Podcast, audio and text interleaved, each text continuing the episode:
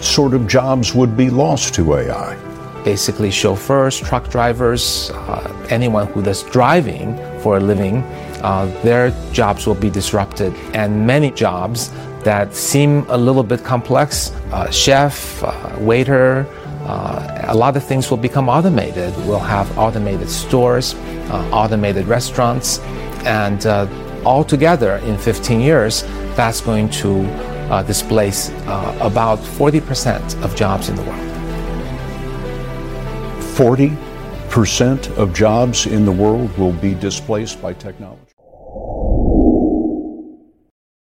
مساء الخير جميعا ومرحبا بكم في السلسلة هذه من المقالات المسجلة اللي باش تولي تتبث بشكل دوري أو كوليت أسهل شوية الأمور حاليا على الجميع. لذلك وأنت تسوق وأنت في التاكسي أو في الكار أو في الدار أو في أي مكان آخر تابع فينا. نجم بكل سهولة تخدم البودكاست المنفرد هذا وتتابع كل ما هو جديد من اللي ننشره فيه ديما. ومرة أخرى نحب نشكر الناس الكل على المتابعة الوفية وعلى التفاعلات الثرية متاعكم وشكرا جزيلا مرة أخرى.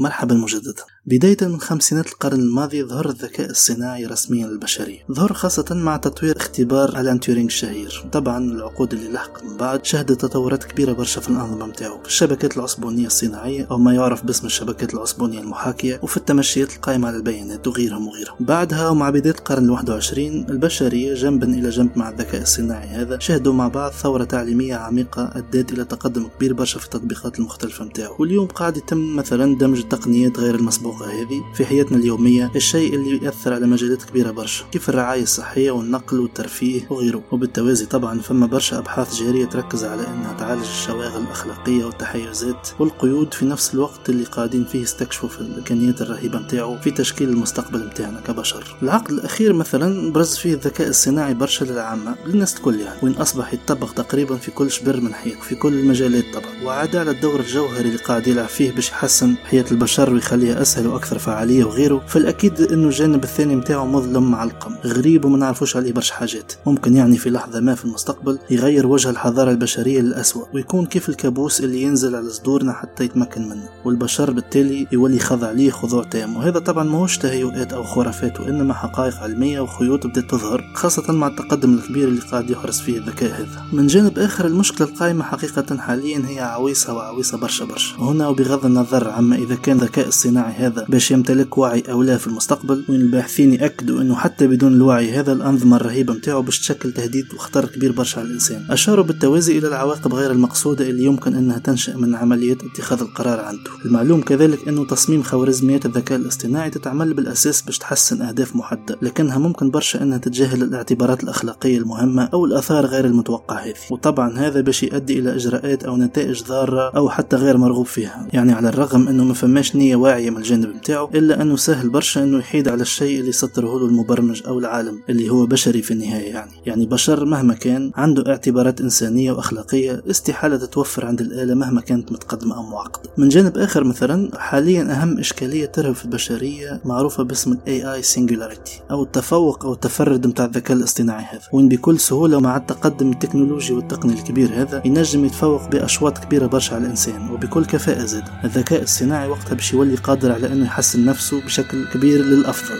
الشيء اللي باش يؤدي في النهاية إلى تطورات سريعة برشا صعيب برشا أنه يسيطروا عليها. وباش تكون فما مخاطر بالجملة زاد وخاصة الآثار المجتمعية المدمرة متاعها. خذ عندك مثال وهذا متوقع يعني مش بعيد. حسب الباحثين الذكاء هذا واللي نظرا أنه حاليا يتعلم من كميات كبيرة برشا من البيانات يمكن حتى بدون قصد أنه يرسخ التحيزات الموجودة في البيانات هذيك أو يضخمها ويستعملها ويغالي فيها بما أنه وصل نقطة التفرد وأصبح عنده نوع من الوعي. والقرارات تولي تتبلور ويتم اتخاذها على المستوى البرمجيات متاعه بعيد على المبرمج البشري بعد كبير برشا. التحيز باش يظهر كذلك في مجالات مختلفة كيف ممارسة التوظيف أو أنظمة العدالة الجنائية أو الموافقات على القروض وغيره. الشيء اللي باش يوصلنا إلى نتائج غير عادلة حقيقة وتمييزية برشا برشا. يعني تخيل مثلا أنت خذ مثال عندك. مهاجر مكسيكي يسكن في واحدة من ولايات الجنوب الأمريكي. وين تاريخيا فما برشا عنصرية كبيرة ضد اللاتينيين في الولايات هذيك. ولو أنه مثلا يكون مؤهل باش ياخذ قرض وعنده اللازم والأوراق كل مريقلة ومنظمة إلا إلا أنه لو يتقدم أمريكي أبيض آخر نفس المستوى متاعه نفس الأوراق نفس الحالة بالضبط. النظام الآلي باش يختار الأمريكي الأبيض ويرفض المكسيكي بما أنه وصل ولا عنده نوع من التمييز أو التحيز من الكمية الهائلة من البيانات اللي تصب في الاتجاه هذاك. في المنطقة هذيك مثلا وغيره وغيره. الذكاء الصناعي لو يوصل لمرحلة الذكاء الخارق أو التفرد كما قلنا بكري فإنه يمكن بكل سهولة أنه يتجاوز القدرات الفكرية البشرية وربما يتصرف بطرق ما تتماشاش مع القيم أو الأهداف البشرية اللي تنبع من إنسانية البشري نفسه. يعني خذ عندك الوظائف مثلا. صحيح البشري لا غنى عنه لكن مع التقدم الكبير باش يتم الاعتماد كليا على الآلة أو تقريبا على الآلة اللي باش يكون عندها وعي باش تستولي على غالبية الوظائف. مش كلها أكيد لكن أغلبها وين المليارات باش تحال على البطالة؟ وهكا تتفجر نسب البطالة والسلم الاجتماعي يولي مش مضمون. في النهاية البشري هو إنسان يحس وقت يجوع يولي مهدد في قوت يومه مهدد في معيشته يتحول تماما وينسى حاجة اسمها إنسان. أخيرا وليس آخرا التطبيقات متاعه اللي باش تتوسع برشا برشا في مجال الأسلحة ذاتية التحكم وين حاليا تطوير الأسلحة المستقلة اللي تخدم بالذكاء الاصطناعي. قاعدة تثير في برشا مخاوف صراحة بشأن احتمال أنها تصعد الحروب والصراعات خارج نطاق السيطرة البشرية. يعني تخيل مثلا نظام تاع ذكاء صناعي أو برمجية لاهي بالترسانة النووية نتاع دولة ما. هذا في المستقبل معناها مستقبل قريب ممكن. في لحظة تحيز غير مقصودة يهاجم أو حتى يرتكز للوعي اللي طوره من عند نفسه. وبدون الرجوع للبشري مثلا يقرر أنه يهاجم دولة معادية بناء على المعطيات الموجودة عنده واللي تصب ناحية إشعال فتيل حرب. لأنه في النهاية آلة وباش يكون عنده هكا النوع من التحيز. والاستقلالية والاعتبارات الأخلاقية ديما تقريبا